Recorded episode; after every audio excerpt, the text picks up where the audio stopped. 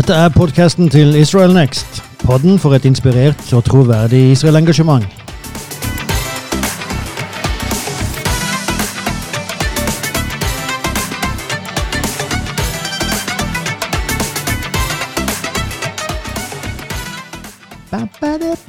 Ok, det var det jeg ikke skulle gjøre. Bare, man blir litt sånn eh, inspirert av den der eh, melodien, eller? Det er godt å like den sjøl, i hvert fall. Jeg liker den veldig bra. Ja, det er bra. Um, så i alle fall, dette er altså Israel Next sin podkast. Jeg heter Roar Sørensen, og du? Uh, Alette Sørensen. Ja. Ja Og ehm, vi sitter her for en ny utgave av Zoom Out. Og uh, Alette, det er noen ting som, uh, som du bare brenner for å få fram her nå, eller? Hey. ja, det er vel det. Det passer ikke så veldig bra med musikken, da. Men nei da. Det, det er sånn at eh, vi har jo Eller vi har, særlig i går, da, så syns jeg at Facebook-feeden eh, ble fylt med ganske mye sånn eh, sitat og artikler og sånn fra et biskopmøte som var her i uka i Norge, da. Eh, Så det er vel egentlig det som, som har opptatt litt av det vi har vært og snakka litt om i løpet av denne formiddagen og forberedelsene for denne episoden. Så kom det liksom litt opp, fordi at det, har vært, det er såpass ferskt. Eh, Så i går, da, i går blir fredag den 16. oktober, eh, så hadde bi- biskopmøtet de hadde en uttalelse fra møtet sitt da, eh, der de tar opp noe som, som, kalles, som de kaller for kristensionister. Og et sitat ifra det er Biskopmøtet finner derfor kristensionisme teologisk og menneskelig uholdbart, kom de fram til i sin uttalelse. At det er teologisk og menneskelig uholdbart. Eh, og det første, liksom, når jeg så den, den, eh, det sitatet, så, så tenkte jeg oi, det her var jo en spesiell, om ikke problematisk uttalelse. Men du har jo lest mer enn bare det sitatet. Du har lest hele, liksom, hele artikkelen, eller hele Ja. Ja, Og, og du kommer fram til at eh, du er jo for så vidt enig, da. jeg er helt enig med biskopene. Ja, Kunstpause. ja virkelig. uh, nei, men saken er den, Jeg har lest uttalelsen som de kom med fra biskopmøtet der. Og eh, sånn som de beskriver kristen sionisme, så, så må jeg jo si meg enig. Eh, problemet er jo det at de, de tar eh, de mest ekstreme formene for kristen sionisme og setter det fram som hele altet, liksom som hele sannheten. Så, og er, nå er det jo sånn at det, fins ekstreme uttrykk for kristen sionisme der man blir eh, kald og følelsesløst, eh, kjærlighetsløs overfor palestinske arabere og overfor alle som egentlig står imot Israel. Og til og med iblant innen sin egen menighet så kan det bli eh, veldig harde tilstander der. Så det, det fins den formen. Det fins en form som er veldig opptatt av apokalyptikk, altså det er liksom en skikkelig eh, ragnarok, for å si det, bruke et nordisk begrep. Eh, Men er det dette biskopene beskriver? Ja, altså de beskriver jo en, eh, en situasjon, eh, den, den formen for, eh, for kristen sionisme, ja. Eh, Og som ikke bryr seg om menneskelige rettigheter. Men eh, jeg må si at det finnes en form for kristen sionisme som er både kristen og sionistisk. Og når jeg mener kristen, da mener jeg altså at den har et hjerte, den har virkelig bevart det som er kjernen i det kristne budskapet, som har med et hjerte for alle mennesker. Man elsker alle mennesker, men samtidig så står man for det som Guds ord sier der om Sion, om Israel. Og eh, liksom kan, kan ikke heller Man tar liksom hele Bibelen på alvor på den måten. Og eh, derfor så finnes det en annen form som, eh, som disse biskopene da ikke beskriver av kristen sionisme, som jeg sjøl står for å representere, og med stolthet må jeg si at det er en kristen sionist. Nå vet jeg at jeg kan faktisk ikke gå ut og si det til hvem som helst, og selv her så må jeg forklare hva jeg mener med det. Eh, Men eh, og da mener jeg annet at jeg er fullstendig kristen, altså 100% kristen, 100 sionistisk, og, og som jeg så forklarte da, med kristen så mener jeg da kjærlighet som et eh, altomslukende, altomfattende for å omfatte alle mennesker. Det som biskopene gjør, dessverre, det er at man oppmuntrer ikke til dialog. Fordi man på en måte presenterer én form for kristen sionisme og, og sier at det her er altet, hele altet. Hvis man var interessert i en dialog, så ville man kommet med, med nyansene i det her. Og eh, det- fins en jeg, når jeg studerte på universitet, så hadde vi litt retorikk, litt logikk. Og det her er en form for argumentasjon som på, på engelsk de kalte det for strawman. Altså, man tar det svakeste punktet til motstanderen og presenterer det som sannheten. Og så knekker man det strået, og det er jo veldig lett å knekke med, med når du ser hele uttalelsen, så er det veldig lett å knekke det strået der. Og da mener man at man har liksom knekt hele kristensionismen. Så som sagt, det, det, er litt trist å se at dette kommer fra toppledelsen i Den norske kirke. Og ikke bare der, dessverre. I Den danske kirke så var det samme uttalelser her tidligere i sommer. Eller lignende uttalelser. Så det, det, er veldig synd, for det, man behøver en dialog, en, en ordentlig dialog om den her. Hva er en kristen teologi om Israel for noe? Ja, man tenker seg jo et, et, eh, begrep som har både ordet kristen og sion, eller sionisme, i seg. At man skal trenge å ta og føle at man skal ha sterk avstand fra det. Det er noe i en som, som ikke Det går ikke sammen. Det føles som at her kan det finnes noe sunt og noe godt. OK, folk kan vrenge det uh, feil retning, men det burde i seg selv kunne være noen ting som er godt. Og det er vel litt det vi har lyst til å løfte fram. Og jeg tenker Siste ord er jo absolutt ikke sagt her. Uh, I hvert fall ikke i denne podkasten. Nei, uh, altså det her er noe vi kommer til å komme tilbake til. Ja. og Vi har vel vært inne på det tidligere òg. Men, uh, men, det her kommer til å komme opp fordi det er så relevant. Og, og det er relevant òg pga. at det fins noen ting rett i kritikken. Men det fins definitivt noe veldig feil òg i den kritikken. Akkurat. Og en målsetting om å gå den riktige veien er jo det man har lyst til å oppmuntre til. Eh, men du hadde jo et eh, møte denne uka, du også. Ikke et bispemøte, men et, eh, et digitalt møte med nesten, et pastorsmøte. Det var nesten likeverdig. Så ikke like mange artikler for det der. Ok, greit. Eh, et digitalt møte med pastorer. Og da tenkte jeg jo egentlig når jeg forberedte for denne episoden, why not ta liksom det budskapet du hadde der, og dele det i podkasten? Fordi at det er jo relevant for flere enn den gruppa som du holdt det for. Så det, jeg tenker det er perfekt å bare ta og spre det videre. Og tittelen for det budskapet der har du kalt for 'Fra fascinasjon til relasjon'. Bare smake ja. litt på den. Det, det ja, eksakt. Og jeg må jo si at altså, tittelen er eh, jeg liker tittelen, for den beskriver på en måte veldig bra det som jeg vil ha fram, men den dekker ikke det 100% For når jeg sier 'fra fascinasjon med Israel' til en relasjon med Israel, så jeg mener ikke at man skal forlate fascinasjonen fullstendig. Det, definitivt ikke. Jeg er og, altså det, det, som hendte meg for min egen del, var at jeg var der i 1986. Jeg hadde allerede begynt å interessere meg for Israel. Når jeg leste Bibelen, så blir du jo naturlig interessert i Israel. Men da jeg kom der, så ble jeg fullstendig fascinert. Og det fins fremdeles en stor fascinasjon hver gang altså, man, man kommer der til det her landet. med eh, ja, altså Det er noen ting der nede som bare drar en. Så bevar fascinasjonen, men man må gå videre. Må, den må lede til en relasjon.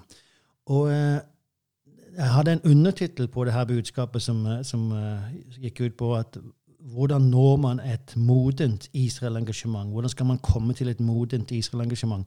Og da mener jeg på det at Hvis man bare er fascinert, hvis man forblir i ren fascinasjon, så det som skjer, er at man bygger opp et idealbilde av i dette tilfellet da, Israel. Men det, man kan ta det her på mange områder. Det kan være en person. I dette tilfellet så bygger man opp et idealbilde av Israel. Og, og det her er ikke virkelighetstro det bildet. Det er, det er, et bilde som man har bygd i sitt eget sinn. Og det som skjer, eller kan skje, når det her bildet da til slutt knekker, det brister, fordi at det, kommer ut informasjon som ikke stemmer med det bildet som jeg har bygd opp Når jeg får høre denne informasjonen, så kan ofte så hender det én av to ting. Og Den ene saken er det at hele min fascinasjon med det her landet, med det her folket, bare forsvinner i et nu, fordi at alt som jeg har bygd mitt liv på, kan du si, Eh, eller i hvert fall den delen av mitt liv på, så viser seg å ikke være sann. Så det er den ene reaksjonen. Mange av de som har vært fascinert med Israel, når de har blitt konfrontert med det virkelighetsbildet, så har man blitt noen av Israels verste kritikere. Det andre som kan skje, er at man velger å se vekk ifra disse herne informasjonsbitene som kommer, som ikke stemmer med mitt bilde. Man sier nei, men det her stemmer ikke. Det, her, det kan være mange forklaringer man gir til det. Det, det her må være Israels uh, fiender, for å si det, bruke det ordet, men Israels opponenter, Israels kritikere, som, som sier, uttaler seg. Det er massemedia, det er en sammensvergelse. Det kan komme veldig masse tanker om hvorfor man ikke behøver ta hensyn til disse bitene av informasjon. Uh, og så lever man i fornektelse. og dette her, vi, vi, vi, vil ikke havne i noen ting. og hvis, vil, vil, hvis, vi ikke vil havne i et sånt idealbilde, og heller ikke i en kritikk av Israel, så må vi gå videre til en relasjon og få et virkelighetsbilde, et sant bilde av Israel. Så det var egentlig det her som, som budskapet mitt eh, gikk ut på. Og en, eh, som du sier, en relasjon utelukker jo ikke fascinasjon. Så en, en, god relasjon har jo kanskje gjerne fascinasjon i seg. Absolutt. Så, det, det, må den ha. Altså, det her med fascinasjon er noe veldig positivt. Jeg, jeg mm. tror det er noe som hjelper oss å stay alert. Altså, det hjelper det å holde motivasjonen oppe, det hjelper det å holde gleden oppe. Akkurat. Eh, men problemet med, med fascinasjonen er det at det, det, det, forhindrer en sann relasjon. Fordi at denne personen, eller i dette tilfellet da nasjonen, Israel, som, som det her bildet blir tegnet opp av hvis, hvis du nå er Israel, hvis jeg er Israel, så, og jeg hører at det her er hva som blir beskrevet om meg, så vet jeg ganske godt sjøl at ja, det her stemmer ikke, det som de her personene sier. Eh, så vel, blir, det vel, blir, det veldig vanskelig for meg å forholde meg eh, til disse her personene. Og jeg må jo si at Etter å ha bodd i Israel i mange år og reist fram og tilbake og lært seg språket der nede, så har man jo hørt hvordan israelere snakker, refererer til kristne som, som har det her ensidige bildet av, av, nasjonen. Og eh, det er eh, dessverre Eller det, det, er veldig forståelig at man helst vil holde sånne mennesker på en armlengdes avstand. Altså, det, det, er litt dobbelt, fordi at israelere eh, har hørt veldig lite ros opp igjennom historien. De har veldig ofte blitt kritisert. Så når de hører noe positivt, så blir de utrolig takknemlige. Og, og de, vil bare omfavne det. Men samtidig, hvis de merker at denne her rosen stemmer, ikke stemmer helt med virkeligheten, så, så blir man litt sånn dobbel, og så, så, holder man det litt på avstand samtidig som man omfavner det. Og, og akkurat det her har jeg merka liksom, når man hører israelere uttale seg. Så vi må gå videre hvis vi vil ha en sann relasjon med Israel. Og En annen måte å si det på er jo det her med å bruke modent eller sunt. Eh, forhold til Israel. Og, og en, et område der det kommer til å være veldig avgjørende, eller det allerede er veldig avgjørende, og ikke eh, særlig da, ja, ikke svartmale, men heller, heller ikke det her glansbildet, eh, av Israel, det er jo i forhold til neste generasjon. For ofte blir jo temaet Israel brukt som et eksempel i det kristne. da. Et eksempel der vi glipper i overføringa til neste generasjon. Fordi at uh, de eh, kan de kjenne seg ikke igjen i det her. De, de, ser, ingen, de ser, kanskje ikke virkeligheten bak det her eh, glansbildet. Og, og, når det bare er denne fascinasjonen, og de liksom ikke er, har den følelsesmessige koblinga, så, så, blir det ikke noe dypt. Og da er det ikke noe vi klarer å overføre. Og det her er jo noe vi har snakket om, særlig det her i forhold til neste generasjon, i tidligere episoder. Ikke minst i den her med, der vi hadde intervju med Gateway Center for Israel, som mhm. hvis uh, du har gått glipp av den, så anbefaler vi på det sterkeste å høre på den, for det er skikkelig masse gullkorn der. Eh, men det er jo noe vi hele tida kommer til å fortsette å ta opp, for Israel Next handler veldig mye om det å føre over ja. Israel-engasjementet til neste generasjon. Så det er jo et viktig område der vi trenger å liksom få stell på det her tingene for å kunne det, føre det videre. Eksakt. Og jeg, jeg, jeg, våger nok å gå så langt som å si at hvis, hvis vi ikke får stell på det her, hvis vi ikke får orden på, på det her og virkelig klarer å presentere et virkelighetstro bilde til neste generasjon, så kommer vi aldri til å overbevise neste generasjon om at det her er noe bra.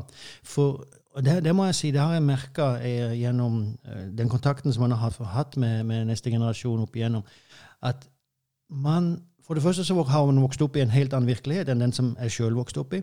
Eh, I dag så lever vi i et informasjonssamfunn der alt er tilgjengelig. Liksom. Du, bare, du, behøver ikke vente på svar lenger. Du bare går inn på din telefon, og så finner du fram svaret. Iblant så finner du det rette svaret òg, til og med.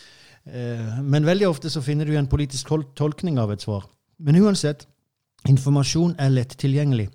Og eh, ungdommer søker sannhet. Det er det man vil ha.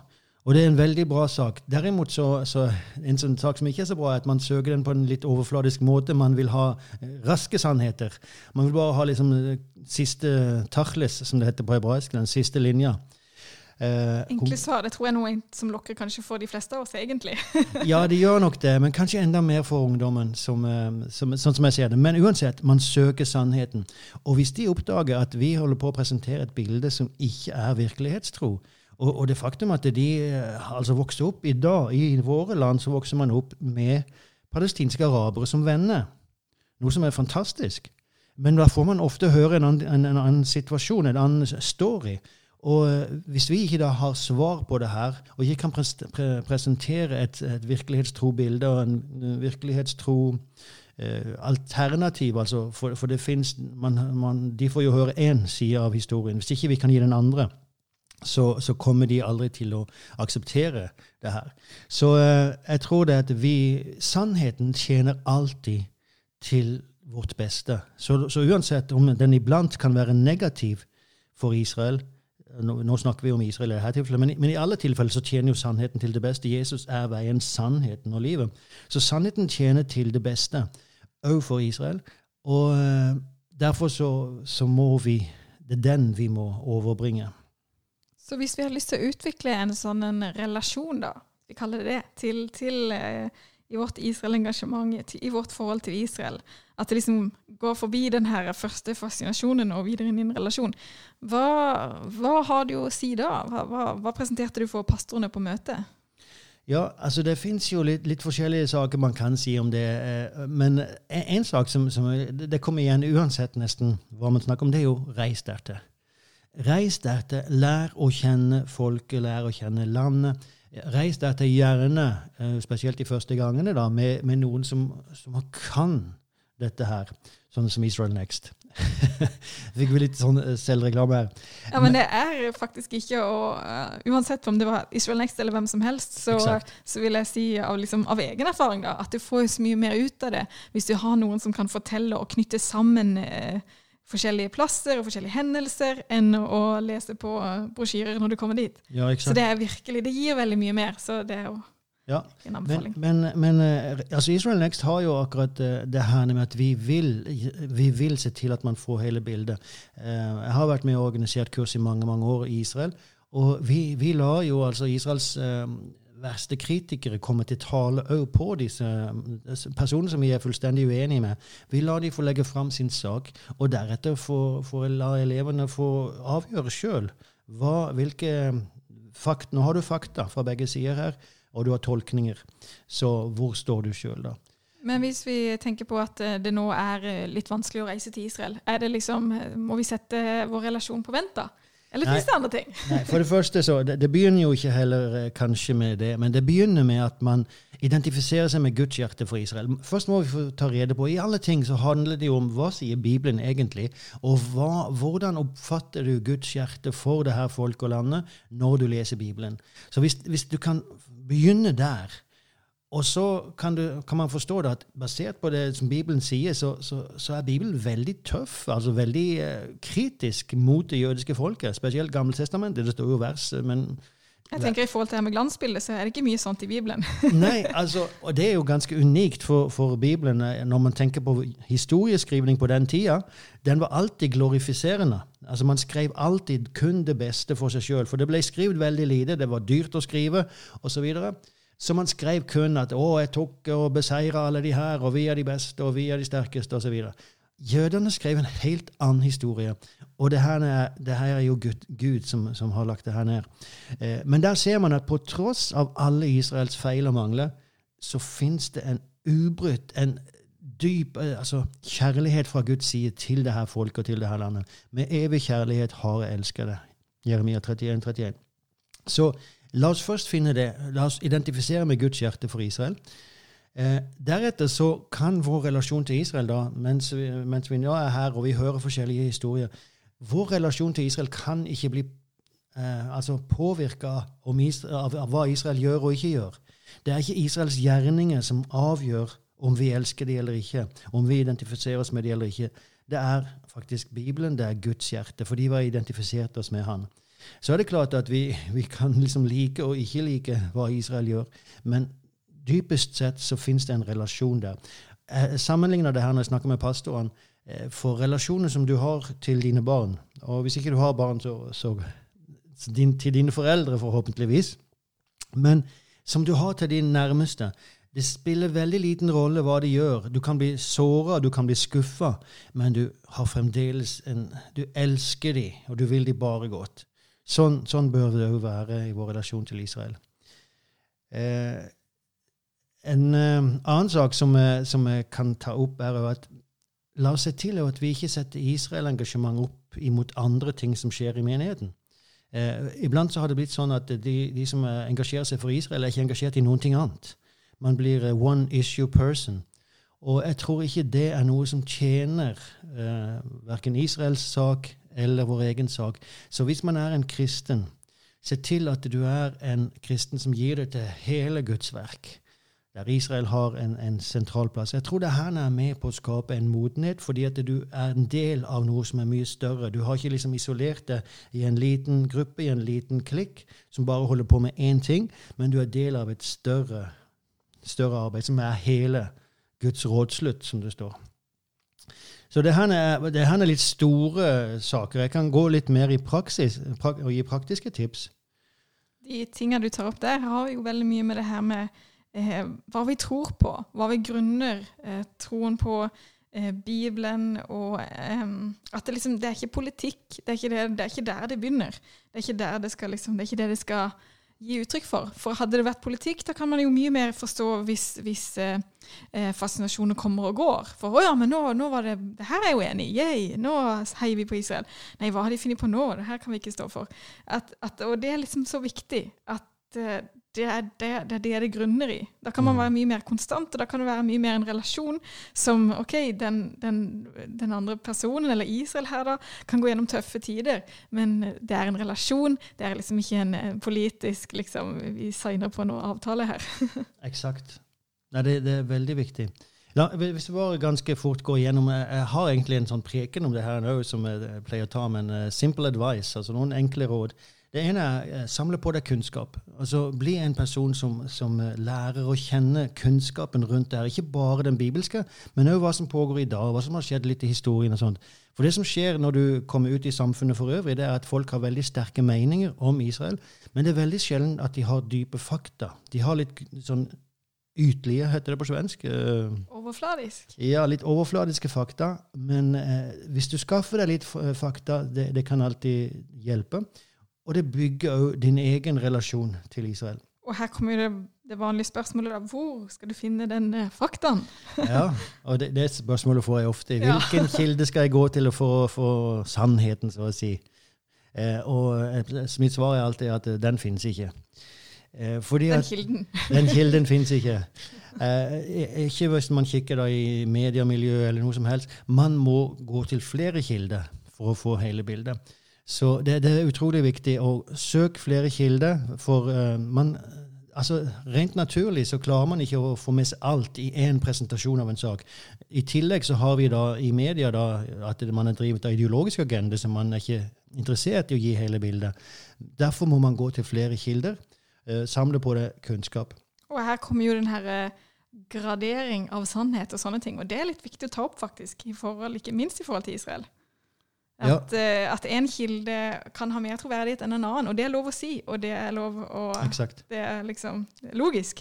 Ja, og, og ikke minst da det, Hvordan kan man liksom vurdere det? Jo, men baser det litt på de, de sin track record. Altså, hva har, hva har skjedd opp igjennom historien? Hvor pålitelig har disse hærene vært opp igjennom? Og eh, når det kommer til f.eks. når man stiller Israel opp imot uh, Hamas, så er det jo tydelig at et, et demokrati har mye større troverdighet. For der finnes det faktisk mekanismer som sjekker hva som blir sagt av de sine ledere. Man kan bli stilt ansvarlig osv. Og, så og sånn fungerer det ikke i et diktatur eller i et uh, terrororganisasjon. Og der tror, jeg, der tror jeg det er viktig å liksom være bevisst på det. For jeg tror kanskje i samtaler, hvis man har samtaler med kolleger og sånne ting, så det er en, en ting man eh, ikke At alle ikke har tenkt over de tinga der. Jeg tror det er viktig å bare huske på det sjøl. At ok, men, men hvis vi har en uttalelse fra en demokratisk regjering, så har det eh, mye mer eh, ansvar bak det enn enn hvis det er en terrororganisasjon eller en terroristleder som uttaler seg. Eksakt. Et annet tips er eh, at eh, man skal være forsiktig så ikke man havner i denne svart-hvitt-feilen. At, at hele, alt er svart-hvitt. For, for veldig ofte så er ikke eh, bildet svart-hvitt. Det er ikke sånn at uh, den ene parten alltid har rett, og, og alt har rett, og den andre alltid har feil. Eh, så man får se til ok, det her faktisk skjedde det noen ting her. faktisk var ikke det bra, det Israel gjorde. Og israelerne sjøl innrømmer faktisk det òg. Det er jo det som er det fine. Uh, men se til at du har et virkelighetstrobilde. Det er, det er alt det her det handler om. Hvis du vil ha en relasjon, så må du ha et virkelighetstrobilde. Eh, bruk visdom når du, når du, snakker om Israel, når du relaterer til Israel. Eh, det, det, er jo viktig at du ikke bruker Israel som et angrepsvåpen mot andre. Liksom, du, du, samler ikke denne kunnskapen for å kunne angripe andre. Du, du, skaper ikke en relasjon med Israel for å bruke det som et våpen mot andre. Så bruk visdom og bruk kjærlighet. Vi er her for å dele ut noe fantastisk, altså formidle noe fantastisk som, uh, som har skjedd gjennom det her folket, og skjer gjennom det her folket. Uh, så uh, vær, vær, vis. Og en sak som jeg pleier å si, er ikke bli en Israel-fanatiker. Og nå, nå, skulle nok kanskje mange plassere meg i den båsen, men uh, personlig så mener jeg at du ikke blir en sånn en som bare ser den ene sida, men se hele bildet. Så det, det, er vel litt av disse her praktiske rådene for å, å bli, ha et modent Israel-engasjement. Hvis man tenker på denne koblinga til neste generasjon, eh, hvordan tenker du at man kan være som et, eh, et forbilde på dette området, eller en leder på dette området? Er det noe spesielt man kan tenke på da? Ja, jeg tror faktisk at um, for, om du skal være et forbilde i, i, den kristne verden, i det kristne miljøet, så tror jeg faktisk at um, det handler med å være en komplett kristen, altså å være en kristen i hele, ditt, hele livet ditt, ikke være en, en narrow-minded, altså der du bare holder på med én sak, men der du virkelig Folk ser at det, det fins et liv som flyter gjennom det, som uttrykker seg på alle forskjellige områder. Eh, det tror jeg er et av de største sakene. Og så uttrykker det seg òg da i forhold til Israel. Det tror jeg er et av de sterkeste vitnesbyrdene som, eh, som, ungdommen kan se. Akkurat. Det er ekte. Det er ekte, ja. Um, vi hadde jo òg eh, bibelvers på, eh, som vi tenkte, som kobler veldig sterkt til det vi har prata om. Eh, som vi tar som episodens vers. da. Og Det står i ordspråksboken, 17-17, eh, veldig sterke ord. Og Der står det En venn elsker alltid, og en bror fødes til hjelp i nød. Her er det jo, en, eh, er det jo beyond fascination, liksom. Her har vi kommet til en relasjon. En venn elsker alltid. Altså Uansett situasjonen, uansett hva, hva den andre vennen har havna i for en situasjon. Og en bror fødes til hjelp i nød. Og det er vel en liten sånn Det er vel det som kan være en sunn relasjon også i forhold til Israel. Absolutt. Det, det, er jo, det, er jo, der vi, vi må komme. som er, som er, Hvis du får tak på Guds hjerte for det her folket, så spiller det mindre rolle egentlig hva de gjør og ikke gjør. Eh, men du er, du er, født, og du, du, har liksom fått en kjærlighet, du har fått en relasjon til det her folket. Og så kan det gjøre det vondt. altså Det er jo det som eh, faktisk Jeg delte jo mer med pastorene når vi snakka med dem. Vi snakka litt om det som pågår i Israel i dag. Uh, egentlig litt av det som jeg deler på nyhetspodkastene. Uh, det, det, det, gjør meg vondt når jeg ser denne den her interne konfliktene som pågår i det politiske miljøet og i, i samfunnet for øvrig akkurat nå. For det, det river liksom Israel ifra hverandre. Og jeg har ikke tvil om at det her er noe de kommer til å ta seg gjennom. Men akkurat nå så er det ikke, ikke så bra. Og det gjør deg vondt, eh, for, fordi at du er en venn som elsker alltid, selv når, når de holder på på den måten som, eh, som ikke de bør gjøre. Så eh, veldig, veldig bra eh, vers, det der. Vi, eh, vi, sier ammen til det. Ja, akkurat. Eh, vi skal ta oss og avrunde en fascinasjon til relasjon. Ehm, eh, delen av denne episoden som har vært fokus for denne episoden. Og som vi sa, det er jo ikke siste gangen vi nevner det her med et sunt Israel-engasjement. Og vi kommer også komme tilbake til konkrete tips. Nå var vi så vidt innom og nevnte noen, men det fins veldig mye mer å si. En annen ting som du tok opp eh, på podkast-episoden Inside Out-delen når du snakka om eh, de siste nyhetene, det var jo også det her med det som kalles for Parashat Hashavua. Det mhm. som jødene deler, eller rabbinene deler, som er ukens, eller the weekly portion. Ja. Uh, ukens. Vet ikke hva det heter på norsk. altså Ukens, Nei, altså, ukens porsjon. porsjon. Det høres så veldig matrasjon ut. Ja, ja, ukens bibellesning. Ukens, ja, noe, noe i den duren. Ja. Uh, og da sa du jo, du sa jo altså hvor det var nå, at uh, det starta forbindelsen her. Eh, og at det kalles for bereshit, som er det første ordet som nevnes i Bibelen. Ja, og det er jo altså Å begynne der igjen er jo en stor sak uh, i, den jødiske verden. altså Man går tilbake til begynnelsen. Og det fins utrolig masse som legges ned i disse første kapitlene der uh, av uh, liksom prinsippet for hele skaperverket.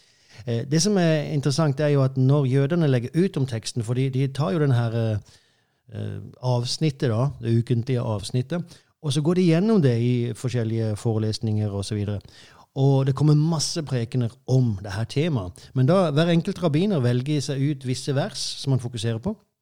Og eh, det som jeg hørte her eh, akkurat, det som er jo fantastisk, er at rabbinere er jo veldig praktiske. Alt, alt dras ned til praktisk. Ok, hva betyr det her og nå? Um, iblant så kan, kan, det bli for liksom, praktisk iblant. Men, men det her som jeg hørte akkurat nå, var veldig bra. Uh, og det var uh, Han snakka om at her, i denne eh, avsnittet, for man, så leser man om Adam og Eva. Man leser om at de synder, og man leser om Kain og Abel. Eh, og dette med Adam og Eva, han sier når de synder og Gud leter etter dem, så, så, flyr de. De flykter fra ansvar. De, de, Adam sier 'kvinnen som du ga meg', og kvinnen sier 'slangen som, som var der'. Så man flykter fra sitt eget ansvar. Og det, det, samme skjer egentlig med Kain og Abel. Når, når, Gud kommer til Kain og spør hvor er din bror, så sier han jeg er min brors vokter. Har jeg noe med det her å gjøre? liksom? Han flykter òg fra sitt ansvar. Og, eh, så det som han, eh, denne eh, rabbineren kom fram til, det var at det her er en veldig menneskelig tendens. Det er noe som går gjennom historien alltid. Og det fins faktisk sosiologer som har gjort eksempler på det her, der, der man har sett personer bli mishandla på åpen gate. Og masse mennesker står omkring eller går forbi og griper ikke inn. Og man spør seg hvorfor skjer det her? Hvorfor er det ingen som tar ansvar? Og Det fins forskjellige teorier på, på, hva som skjer. og Mange tenker liksom at ja, det er kanskje ikke så alvorlig hvis ingen griper inn. Andre tenker at kanskje noen andre skal gripe inn. Eh, det er liksom Alle unnskylder seg og flykter fra ansvar. Og Vi lever i en verden i dag som det er mye av dette i samfunnet. Eh, min lidelse er ofte noen annen sin feil. Og Derfor så har jeg rett til å, å oppføre meg veldig opprørsk, på en måte. Så eh, jeg syns bare det var veldig interessant å se den tolkningen av det hele. og eh, det her er noe som jeg elsker å høre fra ulike rabbinere når jeg er i Israel og hører de live, kan du si.